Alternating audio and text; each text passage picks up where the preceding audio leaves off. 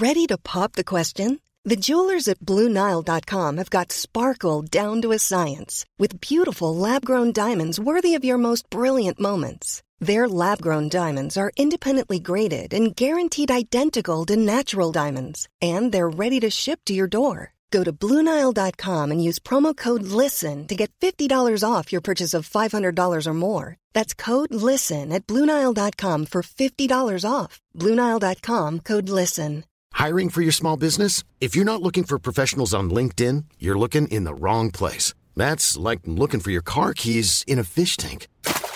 LinkedIn helps you hire professionals you can't find anywhere else, even those who aren't actively searching for a new job but might be open to the perfect role. In a given month, over 70% of LinkedIn users don't even visit other leading job sites. So start looking in the right place. With LinkedIn, you can hire professionals like a professional. Post your free job on linkedin.com slash people today.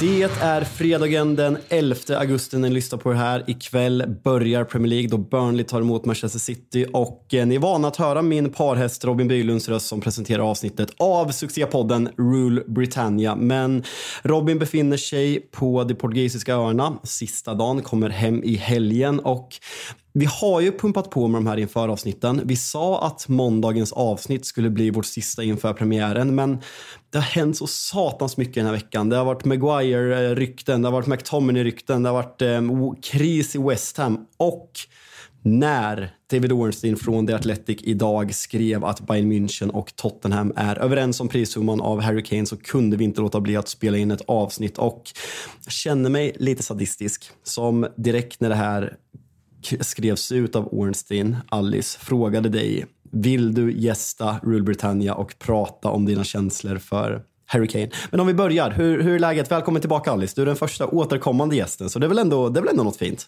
Nej men tack, men jag, jag, kan väl inte vara den första, för Pierre var väl med förra gången? Eller för förra Just ja, just ja. Alltid, alltid. Ja, men Arsenal är lätt att glömma bort vet du.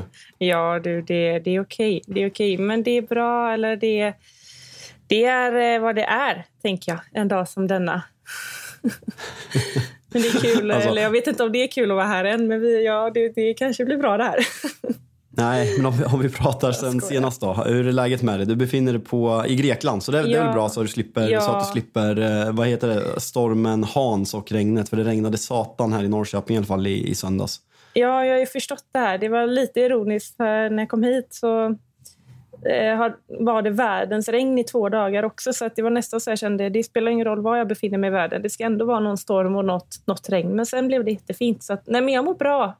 Det är varmt och skönt och man har fått hänga mer i vattnet än ovanför vattnet den senaste veckan. Så att jag är utvilad och någorlunda glad, tror jag ändå. No, no, någorlunda glad ja. tills, tills jag går in på fotbollen. Ska bara dra lite förutsättningar för det här programmet. Det blir lite speciellt eh, program då Robin inte har möjlighet. Så jag kommer leda det här programmet, kommer prata med Alice nu i drygt 15-20 minuter och sen kommer vi även ringa upp en West Ham-supporter. För precis som vi har lovat med Rule Britannia så är det supporternas podcast och eh, jag känner att ska jag sitta och prata själv om West Ham-supporternas känslor efter krisen med David Moyes och eh, alla försäljningar och alla värvningar som det ryktas om. Nej, det ska vi såklart inte. Så vi kommer ringa och ta tempen även i West Ham-led. Men om vi börjar Alice och läser upp tweeten som David Ornstein på The Athletic skrev ut 11.25 idag torsdag.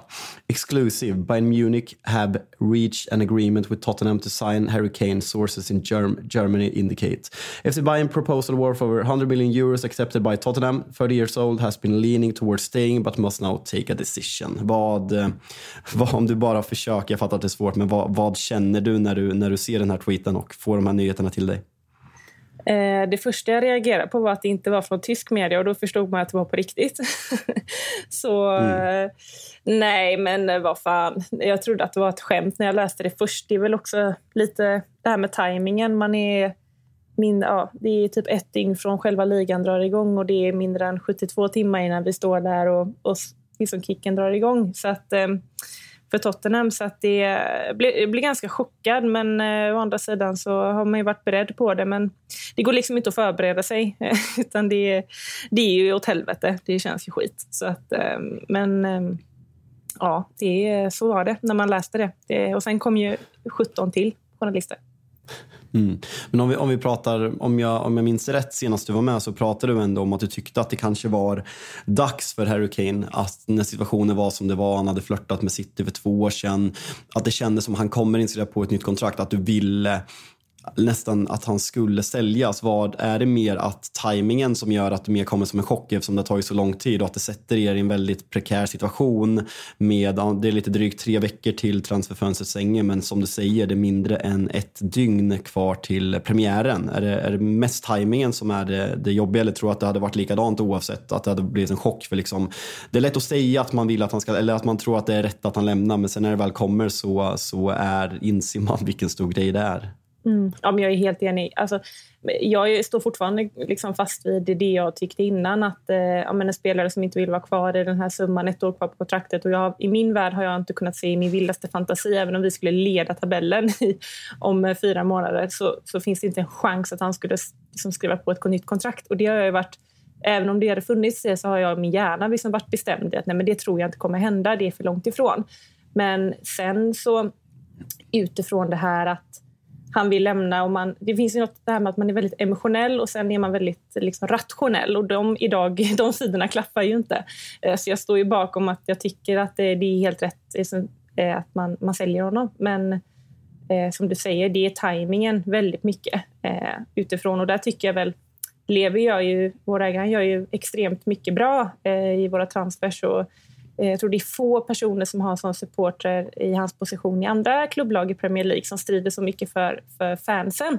Men eh, utifrån min åsikt då, men att, eh, att, han, att det här skedet, den här förflyttningen sker så sjukt nära när liksom bollen ska kickas igång, då det anser jag ett, ett jävla misslyckande. För det finns en person som har kunnat se till att den här affären sker tidigare och det är Levi själv. Så att, ja, det är ju segt.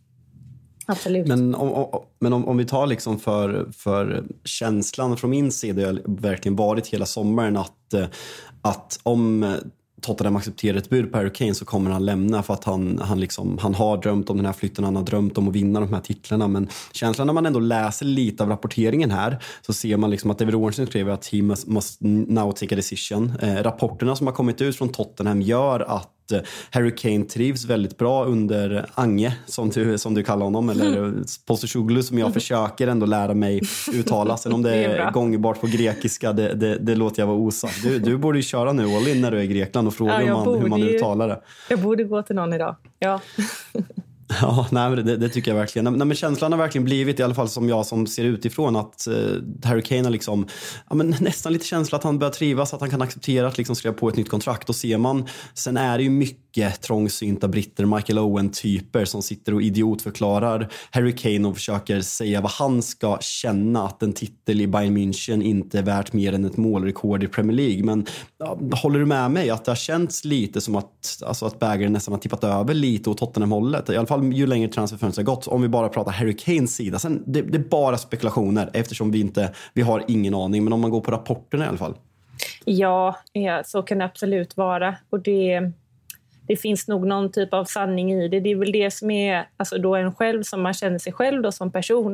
Man är väldigt nära klubben och man, man börjar förstå liksom värderingarna och förstå liksom hur, hur vi jobbar vi på transferfönstret och vad är det vi, vi uppskattar Vad, hur är det vi nära deadlines och sånt där.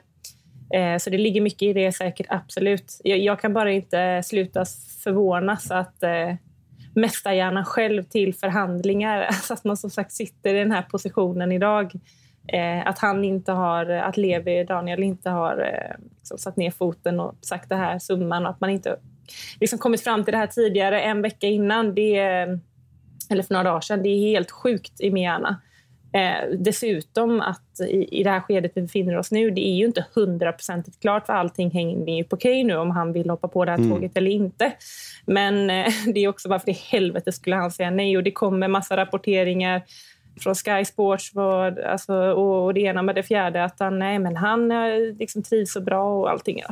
Jag kan inte tro ett skit på det. Han har pushat på det här otroligt länge, flera år. Så att, eh, men jag, jag vet inte. Det kanske är att han blir kvar och då lovar jag sitter vi med en annan person här nästa gång. Så att, eh, jag vet inte. Fan, man blir då, helt då, jävla tokig på det här.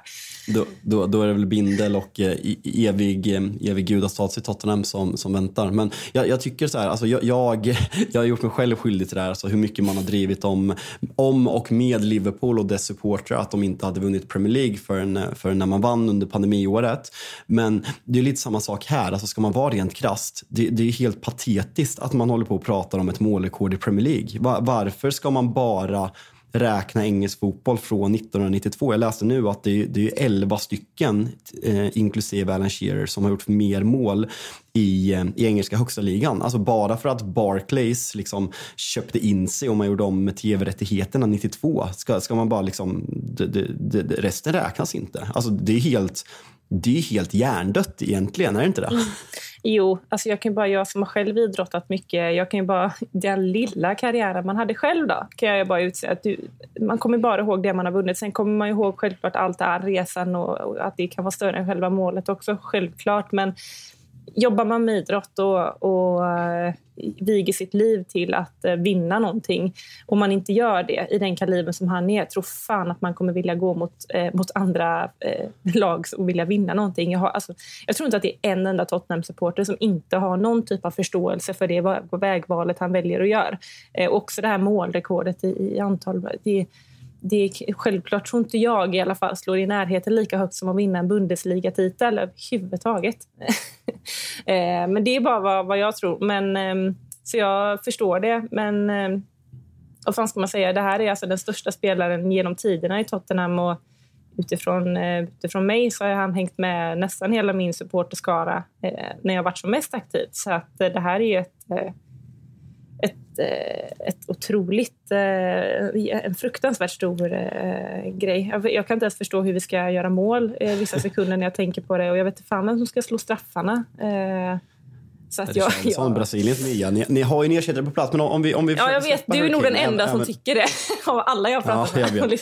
Men om, om vi försöker släppa Harry Kane, eller det gör vi ju inte för allt handlar om Harry Kane som vi kommer att prata om nu. Men om vi försöker prata om, alltså för det, det har väl ändå varit en försäsong som har gett mer smak av liksom Postacoglu's eh, Tottenham. Att man, jag såg bilder liksom hur man spelades från backlinjen och liksom rullade ut Barcelona efter noter och man hade ett ganska B-betonat lag. Man har, nej men speldejarna sett bättre ut. Harry Kane har fortsatt sett jättebra ut såklart. Son har sett bra ut. Man har fått in mittbacken nu som man har, som man har suktat efter väldigt länge. Porro liksom kommit in i det. Man har fått tillbaka, nu jag tappar namnet på honom, vänsterbacken som kommer från Udinese. Har inte känslan varit att det, det är lite mer, om du kommer ihåg hur negativ jag lät senast du gästade. Det tror jag inte att du har glömt. Hur men känns inte saker och ting, li, känns inte saker och ting, nej det fattar jag verkligen, men känns inte saker och ting lite, lite bättre? Eh, jo, men det är klart det gör. Eh, jag har alltid sagt att det finns ett liv efter... Alltså, ingen spelare är större än klubben, det får vi aldrig glömma. Eh, och så är det ju även fast man har svårt att påminna sig själv om det just idag kanske, eller de kommande dagarna. Men, eh, men absolut, jag tror att vi alla Tottenham-supportrar, vi fattar ju ingenting nu när vi tittar på... Alltså när jag kollar på dem, jag har inte sett på alla försäsongsmatcher, men de jag har kollat på så mot Barcelona igår så... Alltså, alltså jag har aldrig sett ett sånt passningsspel på typ fem, fem, sex år. Jag förstod ingenting. Jag blev helt, jag hann, mina ögon hann liksom inte med. De var, de var kvar vid målvakten när den var uppe. Och, eh, så att det, det är jättemärkligt. Så att jag, jag har aldrig sett fram emot en säsong egentligen så mycket som jag gör nu. Men sen har jag aldrig varit så likgiltig inför en säsong som jag är nu heller. Så det är en sjukt märklig kombination. Eh, och det här med Kane också, jag vet att det, det förbättrar ju kanske inte riktigt saken också. Men jag brukar in, alltså säga det till mig själv att vi tog oss faktiskt till en Champions League League-final utan Harry Kane på planen. Eh, så om vi eh, lyckades med det så kanske vi ändå lyckas någonting också kommande tid framåt. Så är det ju.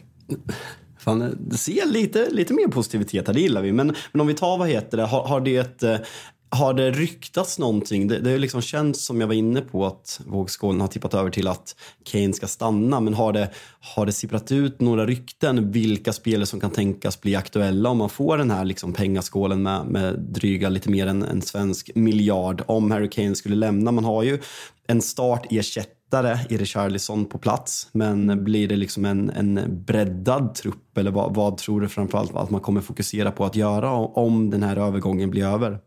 Jag tror ändå att man har varit hyfsat redo eh, om den här övergången skulle ske under hela sommaren. Jag känner mig rätt bekväm eh, med med eh, de förvärven vi har idag. Eh, jag tror att som du säger, vi har ändå Richarlison. Nu gjorde han ju ett mål förra året, men eh, förutom det så, vilket är fan helt sinnessjukt. Det låter mycket trevligare när du säljer in honom än när jag säljer in honom.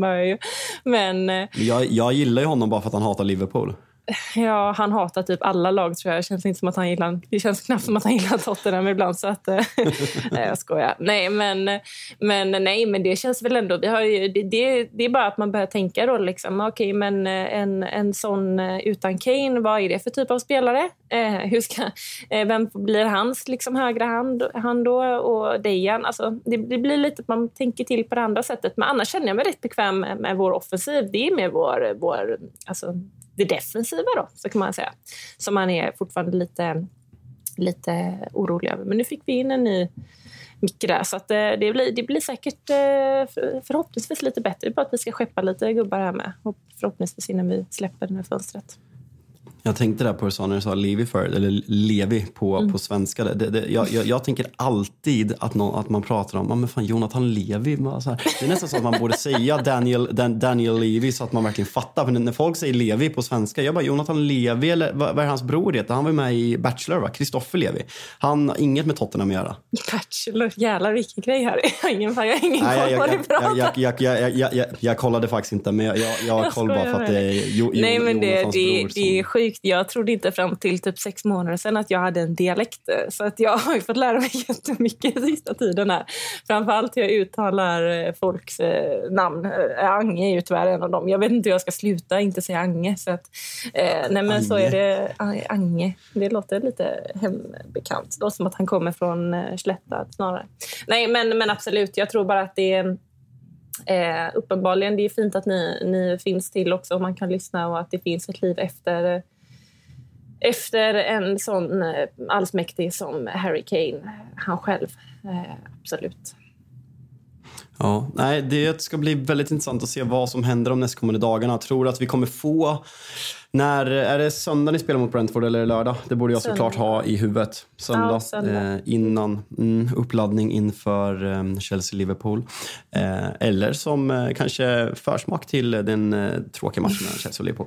Eh, beror på hur man är lagd. Men eh, tro, tror att vi kommer ha ett svar liksom, eh, från i den här transfersagan. Eller, alltså, det kommer inte vara klart, men tror att man kommer veta om Harry Kane kommer representera Tottenham eller inte säsongen 23-24 när, när den här matchen spelas på söndag?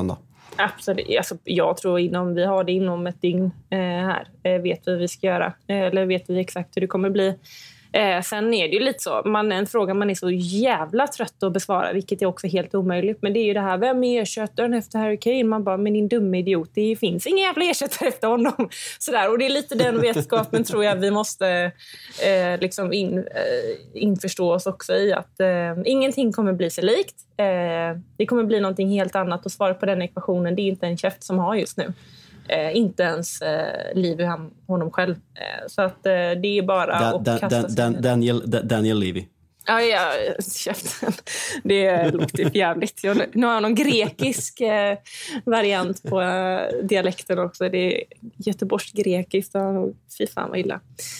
Men, ja, eh, ja, nej, men så, så är det. Så att jag, eh, och det, det är någonting som är lite nervkittlande i det med. Men eh, jag har sagt det, den dagen han, när det är 100% klart, då kommer jag vara borta från Twitter i tre dagar. Och sen så är jag tillbaka och då är förhoppningsvis allt, allt borta. Det är, jag kommer gråta i tre dagar. Om jag grät i en vecka efter Berbatov gick till United så vill jag att jag vågar fan inte ens veta hur jag ska reagera den här gången. älskar, älskar Berbatov. Ja. vad, vad, skulle jag säga? Alltså, så här, känslan är det kan inte bli värre när Manchester United sålde Cristiano Ronaldo och ersatte honom med Antonio Valencia, Michael Owen och Gabriel Obertan.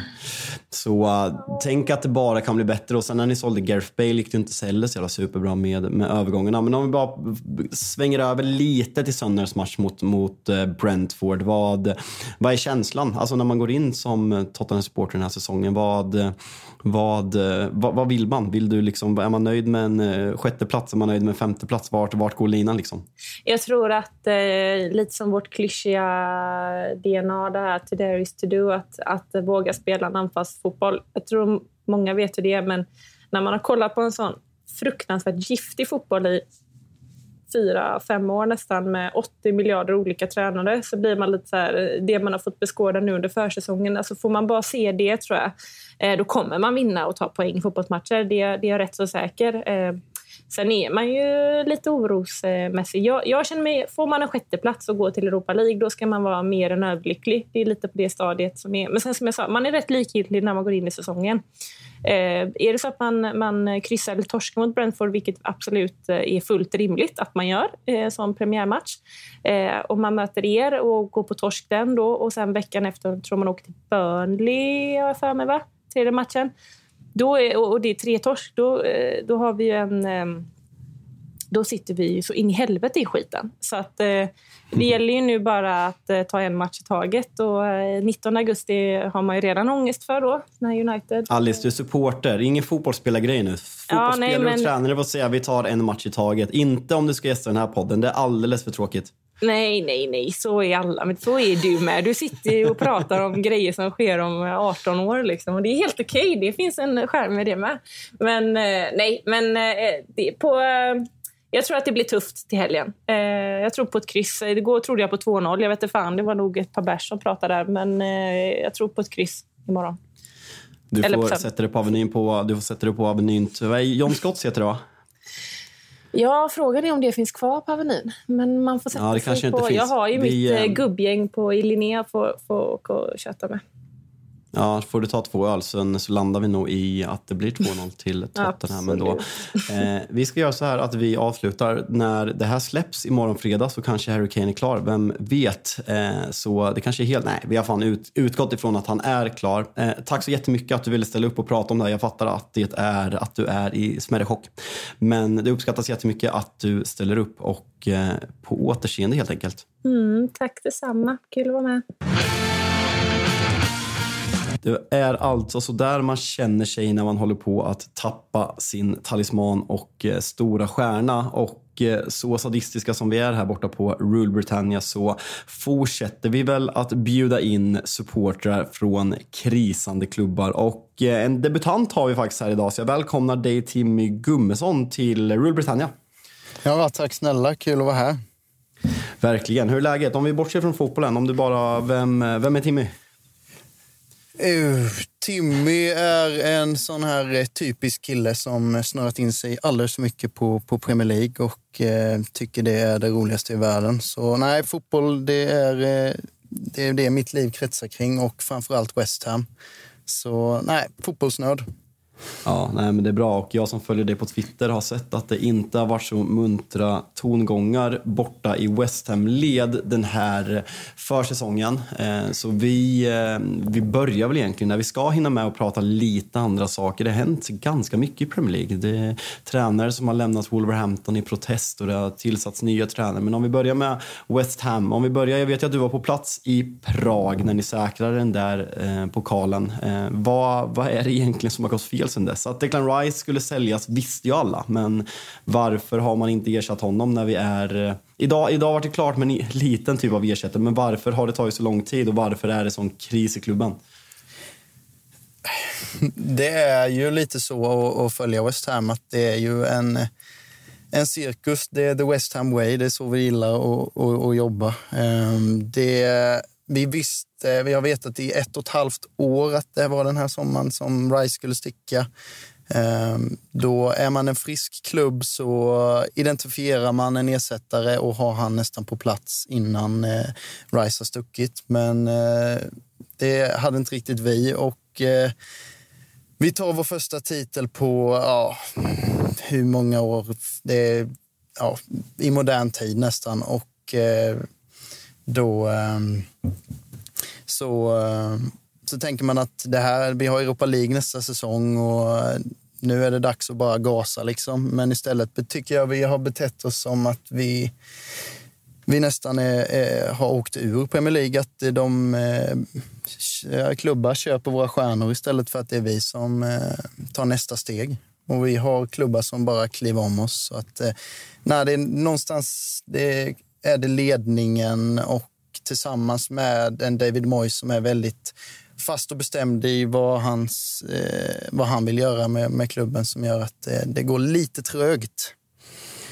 Men om vi, om vi tar liksom, jag och Robin har suttit och gnuggat de här inför avsnitten och man pratar ju att det finns en ganska tydlig topp 9 i år. Att liksom lag som Newcastle har ju köpt sig till den, den framgången. Aston Villa har tagit det där steget nu, ja, men egentligen senaste, senaste halvåret sen Unai Emery kom in. Brighton har tagit det också, kan vara med och utmana på riktigt. Det kändes ju verkligen som att West Ham, kollar man på dem alltså, utifrån, två sjunde platser Förra året har man en titel även om, även om ligasäsongen varit en eh, rejäl missräkning men det kändes verkligen som att West Ham var på gång att ta det där, att liksom gå ifrån de här mittklubbarna. Men nu i sommar känns det snarare som att man, man, man ger upp lite och liksom snarare tittar neråt. Vad, vad beror det här på? Det kom ut rapporter bland annat för någon vecka sedan att David Moyes var nära att lämna. Jag har ju propagerat ganska länge för att, alltså att Conference League-finalen var ett perfekt avslut för David Moyes och det har känts som ja, men en schism mellan mellan tränare och ägare där David Moyes vill ta den brittiska vägen och värva. Ja, men vi kommer komma in på spelarna men Ward Prowse, Harry Maguire, Scott McTominay och liknande medan ägaren kanske vill gå på ett mer modernt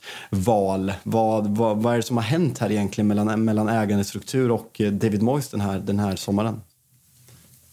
Alltså jag tror ju någonstans att den här titeln var lite David Moyes räddning. Um det var det som gjorde att han fortsatt fick förtroende. För i ligan såg det ju inte alls bra ut. Och det, det var ju lite, jag vet ju att Moyes tog in eh, Mark Warburton från, om det var QPR han hade varit i, man får rätta mig om jag har fel, men en spelare med lite mer offensiv filosofi. Eh, och det var väl lite där Moyes försökte ändra i början av förra säsongen sitt sätt att spela och det funkade ju inte riktigt. Eh, och med mer i sista halvåret där så gick de tillbaka till grunderna och det gick lite bättre. Men eh, det... Han har ju en filosofi som, som kanske är lite utdaterad och med tanke på att nu, vi nu tar in en sån teknisk direktör, direktör som byggt upp ett fartfyllt Bayern Leverkusen med Xabi Alonso eh, i spetsen så så kände man ju ändå lite pirr eh, när, när han kom in att ah, nu kanske vi ska ta in några riktigt eh, roliga namn. Men eh, han vill ju ha sina britter och eh, det verkar som att de krockar lite i vad eh, man vill ha för typ av spelare. Men sen så är det ju folk älskar ju, särskilt i England, att skriva om eh, West Ham och negativt om West Ham för de vet vilken stor reaktion det fått. Så det har väl blivit lite större media än vad det, vad, vad det egentligen är. Men eh, de är ju en kvartett där på Mark Noble, eh, David Moyes, Tim Staten och David Sullivan som känns, fra, känns, känns framåtblickande när man hör namnen ja. Moyes. ja, men Mark Noble måste jag ändå ge cred för att eh, nu är det han, han som har scoutat eh, Alvarez och det sägs väl att det är en Mark Noble-värvning samtidigt som han är väldigt inblandad i, i akademin och eh, det som är roligt med Nobel är att för att se om vem som håller i akademin och kan ta steget upp så är han med och tränar eh, med, eh, mm. med U21, U23 och U18. Liksom. Man tycker att det är bäst sätt där. Så jag tycker att när Mark Noble kom in så tycker jag det var någonting, det kändes som att det vänder någonting i klubben. Men eh, ja, de har saker att jobba på. Men eh, jag tror inte jag hade velat ha det på något annat sätt heller. Men om vi, om vi fortsätter med lite negativt, vi ska komma över till, till lite värmningar som, som är, är dels klara men även ser ut att bli klart under den närmaste tiden som jag tycker det skrivs för mycket negativt om. Men kom ut igår, om det var The Athletic som skrev ut att eh, City har lagt ett, jag vet inte om det var ett muntligt bud som, som West Ham nekade, men man ska i alla fall komma tillbaka på Lucas Paquetá som hade en tufft första halvår men i våras så gasade han igång på riktigt och var väldigt bra och bevisa varför han är en startspelare för brasilianska landslaget. Vad är känslan Tror ni att ni kan behålla honom? Jag vet att han har en klausul som träder in nästa sommar, men uh. vad, är, vad, är, känslan? som Jag fattar att det är liksom negativt och mörkt. Men jag hoppades... Jag, jag hoppades på att vi inte skulle snacka om Lucas Paquetá. För att, du kommer, du kommer inte undan någonting här. nej, nej det, det, är väl så. Nej, gårdagen var hemsk. för att Så fort det kommer någonting positivt runt West Ham så är det något negativt. Och Lucas Paquetá är någon som jag blivit så förälskad i som fotbollsspelare och eh, särskilt de här sista månaderna. Alltså, han är ju han är alldeles för bra för West Ham. Eh, tekniskt sett är han eh, alltså yttersta världsklass. Även om man sett lite ojämna prestationer så eh, är han ju en någon som Pep skulle göra till eh, en av de främsta i världen, är jag helt övertygad om. För att så, så bra och högt håller jag honom. Och man kan ju vända och vrida det hur man vill med gällande Paketa om det är att han inte vill spela på Mois sätt och sådär. Men eh, alltså, det kommer, kommer Manchester City, världens bästa fotbollslag, eh, och säga att när du Pep vill ha dig och du kan få dubbelt i lön och spela i världens bästa lag, då, då kan man inte göra så mycket. Eh, och sen eh, så är det är väldigt mycket pengar, men det är jag vet inte hur stora förhoppningar jag har om att vi kan hitta en vettig ersättare och särskilt inte på sån här kort tid. Så vi får väl se vad som händer. Eh, Nej. Alltså känslan som man får hoppas liksom, alltså som West Ham-supporter är att han på något sätt kan acceptera att spela ett år till. Så att man gör någon slags gentleman's agreement att han nästa säsong så får han lämna. Sen är ju risken att City går vidare och tar någon annan sådana fall så att han kanske försöker bråka sig bort. För det, det, det är som du har skrivit på Twitter, när Pep knackar på dörren när du spelar i West Ham. Alltså så här, det går på något sätt inte. Om priset blir rätt så går det inte att sätta emot. Men eh, om man kollar liksom inne på Transfermarkt och eh, ni, det enda som som är värvat är ju idag att eh, Edson Alvarez blir klar, vilket ja, men på förhand av vad jag har sett honom i Ajax, han ryktades till större klubbar, bland annat Chelsea förra året, men att man, man nekade bud då. Men samtidigt så är ni ungefär 120 miljoner euro netto plus den här, den här sommaren efter försäljningar av framförallt Declan Rice och eh, Skamacka som eh, man får väl säga blev en tokflopp. Om vi börjar och prata det som kanske inte har ryktats så mycket som jag har sett i alla fall, anfallspositionen, för där måste det väl ske någonting? Ja, det beror ju helt på vad han eh, tänker spela med för formation och liknande. Jag, alltså det, man vet aldrig med David Moyes. Eh, om han vill spela en fembackslinje med två anfallare, då tror jag att Bowen eh, kommer ta en av de eh, anfallspositionerna. Jag vet att han mm. har snackat om att Maxwell Cornet ska ska börja spela striker. Antonio har vi ju, vi har Ings, vi har Mubama. Så det beror väl på... Så är det inte för dåligt som, då? Alltså det, det är här, eh, Bo Bowen är, är ju liksom en jättebra yttermittfältare. Antonio har ju, ja, men han har ju passerat bäst före datum. Cornea inte tillräckligt bra. Alltså så här, för mig, West Ham är en klubb som ska slåss om liksom, alltså, alltså framförallt alltså börja med att slåss över halvan är liksom steg ett just nu. Men långsiktigt är det ett lag som ska kunna liksom vara ja, men strax efter topp sexan, Big Sixan och liksom Newcastle i Premier League. Och liksom med, med de anfallarna du nämner. Danny Ings är också passerat bäst före datum, mycket skador. Är han tillräckligt bra för att hålla upp en anfallslinje? Jag är tveksam alltså, så det känns, det känns tungt där, där, eh, därifrån.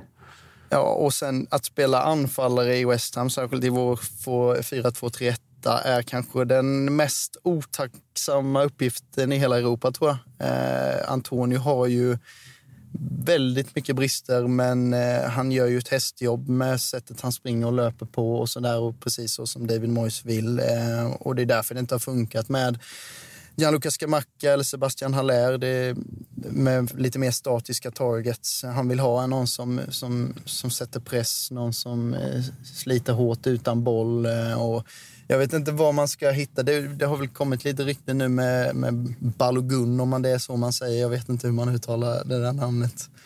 Men eh, jag vet faktiskt inte vad tanken är. Eh, men, du, låter, du, du låter uppgiven, Timmy.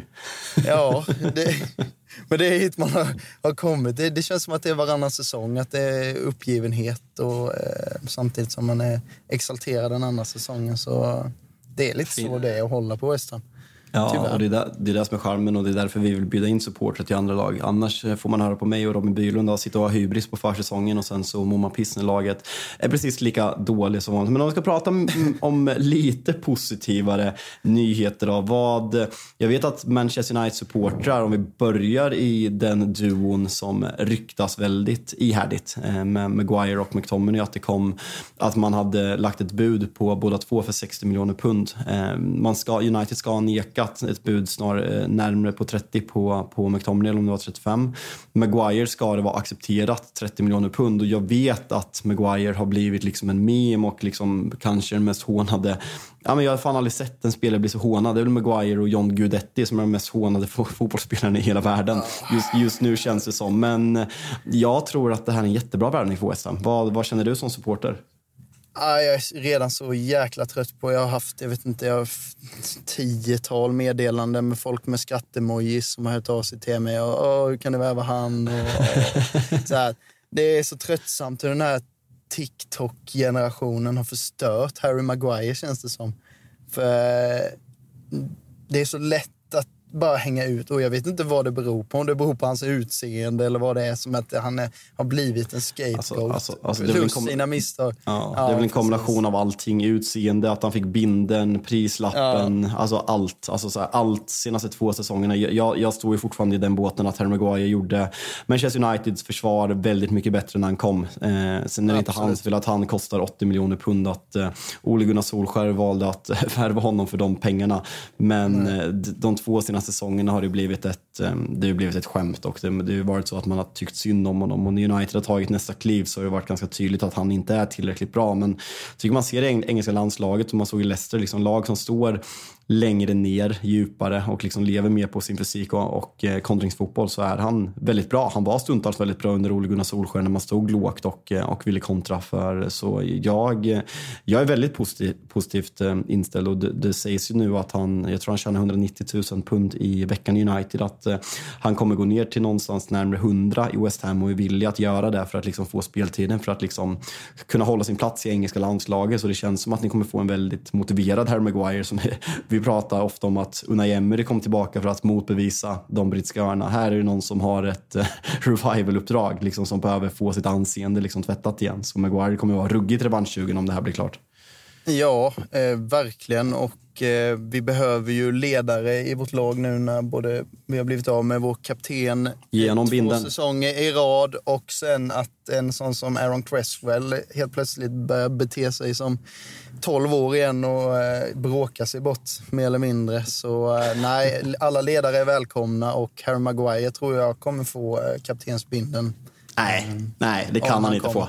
Nej, det jag kan tror, han inte få. Nej, men det kan han inte få. Eh, då blir, nej, men då blir, då blir det Ward Prowse då som, nej, eh, som ge, också är på väg in. Ge inte Zuzek. Uh, David Moyes det är de här med blå, har du blått pass, då är du i David Moyes tankar 24 timmar om dygnet. De andra två som ryktas mest är härligt då. Eh, Ward Prowse är väl Here We Go idag. Ehm, ja. Där får ni en, det ska bli kul att se honom liksom igen. Han har varit Southampton liksom, som har spelat en underhållande fotboll stundtals men liksom aldrig liksom lyft. Nu när han kommer till en större klubb som ändå får se som en större scen, även om det är en ned, nedåtgående spiral, hur bra han är. För han har väl på något sätt ett lite oförtjänt rykte att det bara bara är foten. För det är en väldigt kompetent fotbollsspelare utöver det, eller hur? Absolut. Jag tycker det är en, en, en bra eh, tvåvägsspelare. Är väl kanske inte världens snabbaste fotbollsspelare, men eh, jag tycker man såg, eh, jag vet inte om du såg eh, Championship-premiären. Eh, gjorde jag absolut inte. Nej, där, där hade han ju eh, där visar, även om det är lägre nivå så visar han sin kvalitet där han tog eh, löpningar bakom, eh, bakom backlinje och hittade de här öppnande passningarna. Samtidigt som att han har alltså en av världsfotbollens bästa högerdojor. Så det pirrar ju lite av att eh, få, få frisparkar utanför, eh, precis utanför straffområdet. Och det har ju pirrat innan i West Ham. Så att, eh, vi, det ska bli kul att se om han kan hitta kanske Harry Maguires stora panna i framtiden. Fan, det där blir livsfarligt. Harry Maguire kommer ihåg när han gick till United, när man har sett honom sänka Sverige, att eh, det finns ju en, en huvudspelare där. Och eh, det är faktiskt sjukt, det, det, det känns inte som. Man gör alltså 9 plus 4 förra säsongen i, i Southampton, vilket är... det, det är Ben Rama-siffror. Ja, nej men det, det, är sån, det, är sån, det, det är sån nivå. Det är, så, det är sån nivå. Alltså om, vi tar, om vi bara tar den sista som ryktas också, som det har blivit nekat bud på, men känslan är väl mer och mer. Frågan är, United håller på idag. Fenerbahce har lagt bud närmare på 15 miljoner euro på Fred. Donny van de Beek ser ut att lämna på lån till Real Sociedad. Eh, sen är det ett Amrabat som ska komma från Fiorentina, så frågan är om man vågar släppa McTominay, men ni fortsätter buda på honom. Jag tror ju att det här hade varit en fenomenal värvning. En McTominay som liksom sätter standarden för den jävla alltså, mentalitet där. Sen, han är inte tillräckligt bra för en klubb att starta i Manchester United, men att sätta den standarden. Vi ser alla vad han gör i skotska landslaget. Jag tror att det här är en jävla supervärvning långsiktigt för West Ham om ni får loss honom.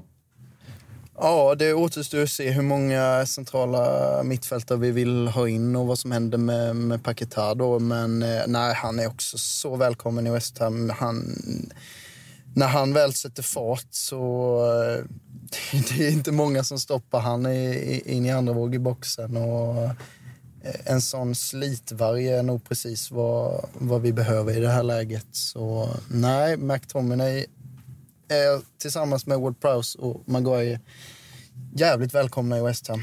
Men jag tror också det. Alltså, nu kanske det låter som att jag är raljant som United-supporter. Jag vet att Maguire och eh, McTominay har varit väldigt dysfunktionella Manchester United-lag, men jag tror fortfarande att liksom, statusen att liksom, Manchester Uniteds kapten plus McTominay som liksom är ordinarie i skotska landslaget kommer in och liksom sätter en standard i omklädningsrummet. Det är ändå spelare som nu spelar med, ja, med Casemiro, Rafael Varane, Marcus Rashford. Det är, liksom, det är något annat att de här spelarna kommer in. Jag vet att ja, men Rio Ferdinand har pratat mycket eh, säsongen 12-13 när åren innan att man hade värvat mycket talanger. Jag har i, i det här avsnittet pratat om när man ersatte Cristiano Ronaldo med Michael Owen och Gabriel Obertan och Antonio Valencia. Men säsongen 12-13 när van Persie kom in i omklädningsrummet så var det så här att spelarna bara wow.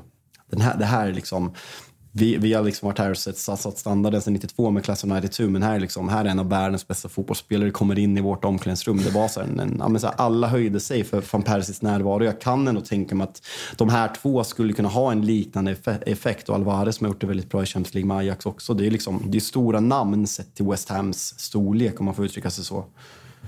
Ja, vi får väl hoppas att Kurt Zuma blir starstruck när eh, Harry Maguire kliver in i, i omklädningsrummet. Maguire kommer spöa på honom. Han är så här, Maguire känns ju som att han har fem hundar så han kommer spöa på Kurt Zuma för eh, kattfadäsen för något år sedan. Men eh, måste bara säga, vi, vi ska prata annat än West Ham också. Jag måste bara säga att vi är precis som vanligt sponsrade av ATG. Och eh, säsongen drar igång, men känslan är att till, eh, till nästa helg så kommer vi lösa så att vi drar igång med tripplarna och eh, speltips. Ni som följer våra införavsnitt har ju, eh, gå in och kika på under Premier League så ser ni alla långtidsspel där, där, vi, där vi ligger. Och jag vet att bland annat Tuttosvenskan kör, kör Big Nine och även Tuttotrippen på atg.se eh, slash tutto. Så in där och kika. Och eh, ska ni spela så måste ni vara 18 år fyllda och glöm inte att har ni problem med spel så finns stödlinjen.se till hands.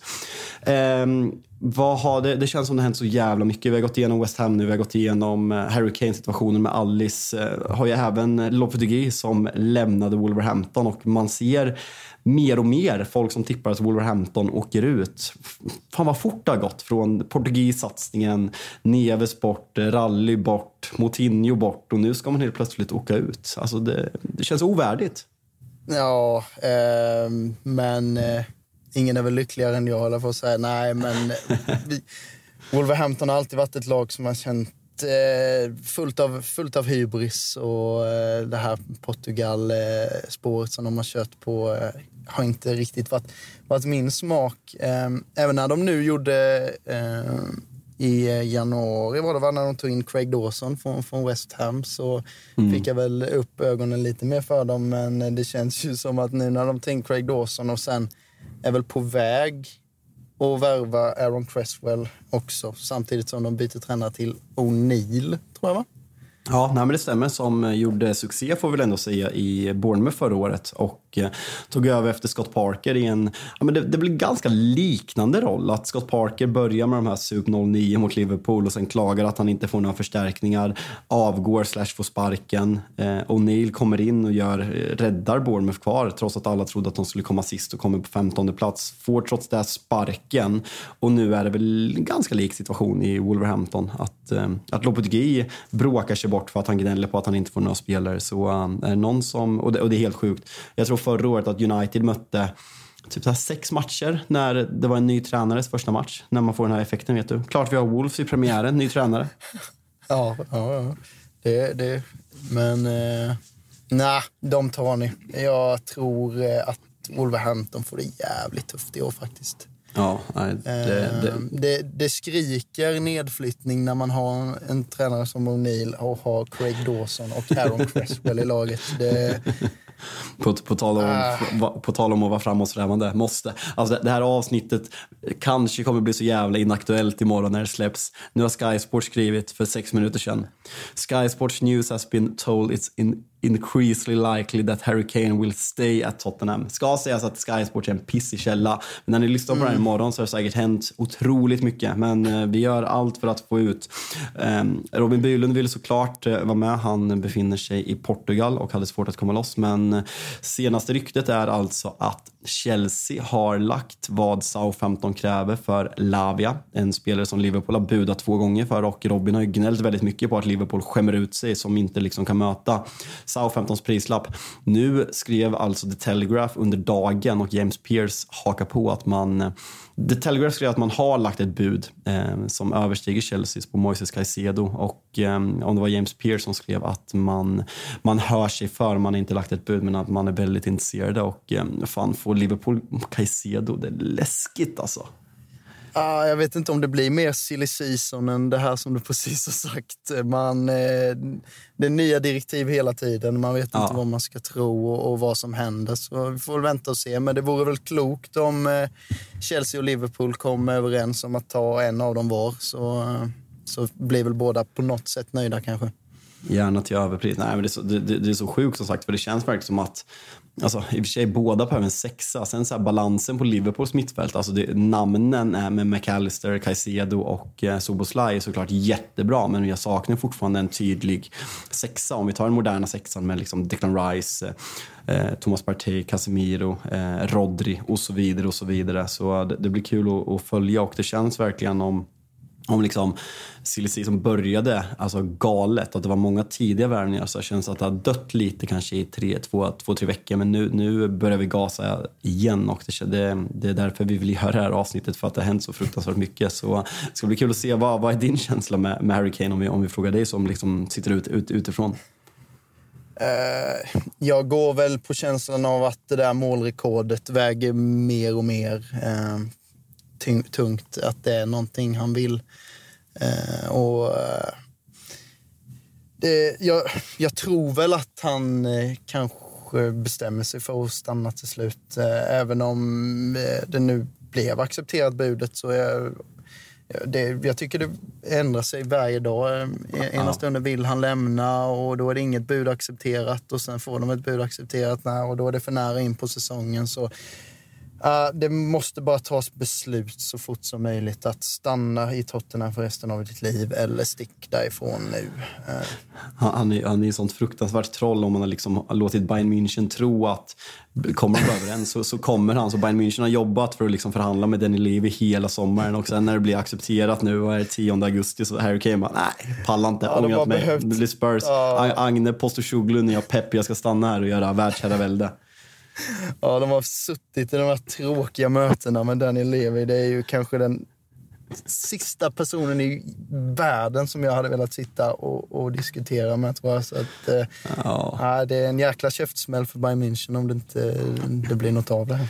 Ja, som mardröm. Vi ska, vi ska börja runda av det här. Jag måste bara säga, jag och Robin Bylund, vi pratade ju i förra avsnittet om den här extra Champions League-platsen och för att reda ut det så är det alltså de två nationerna med högst poäng från den förra säsongen i Europa som får de här två platserna. Och eh, bara för att dra ett konkret exempel, de pratade om det här i Toto Baluttos eh, Premier League special som, eh, som släpptes idag.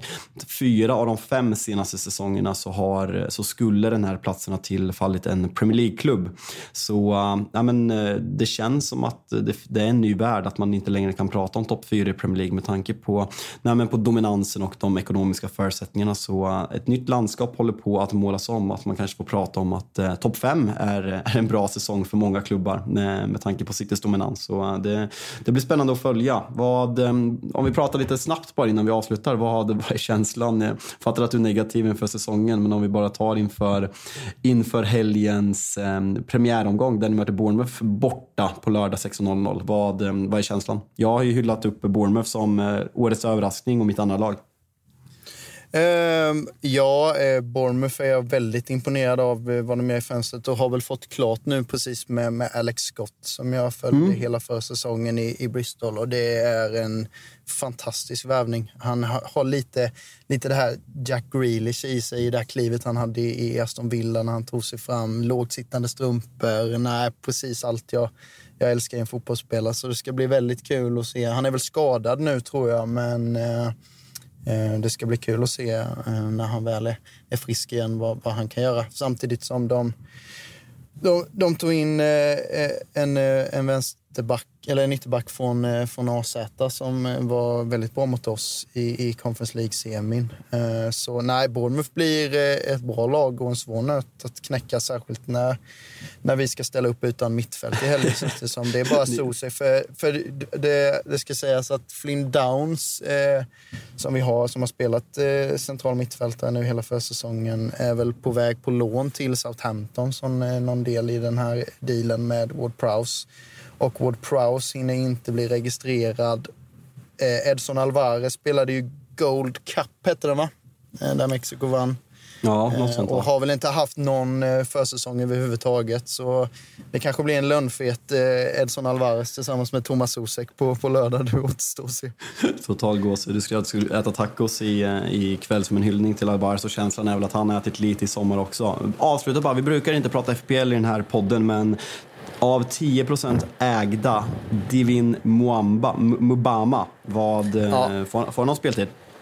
Divine har jag lärt mig att han ska uttalas. Och man ja, vill okay. säga di, Divan, men Divine säger alla i klubben, så man får ja. väl gå på det. Men eh, eh, jag tror det är en bra eh, spelare att ha som... Det finns väl någon i Luton eller sån som kommer spela lite mer kanske, men eh, Eh, Mois tror på honom och jag tror på honom. Jag tycker vi har sett bättre ut eh, när vi har spelat med han än med någon annan anfallare. Han eh, sliter hårt, han har eh, det här atletiska som de nya moderna strikersna tenderar att ha. Så att nej, det ska bli kul att följa med Obama.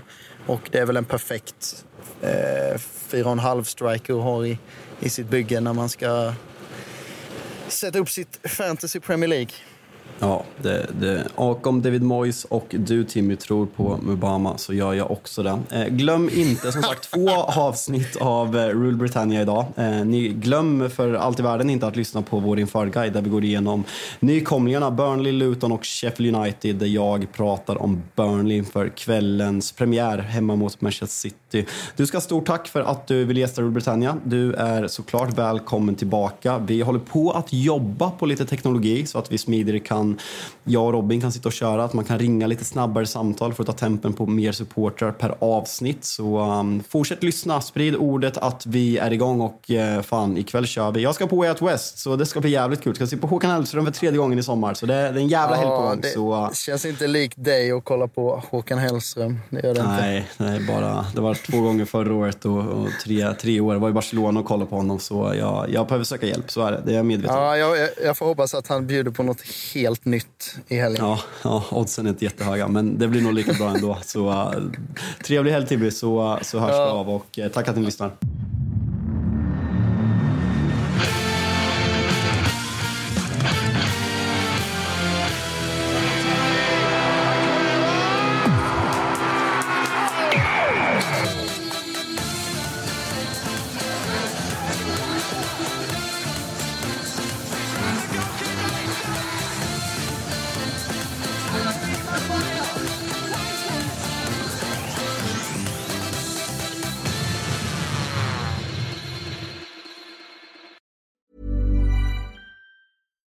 We're on a budget, we still deserve nice things. Quince is a place to scoop up stunning high-end goods for 50 to 80% less than similar brands.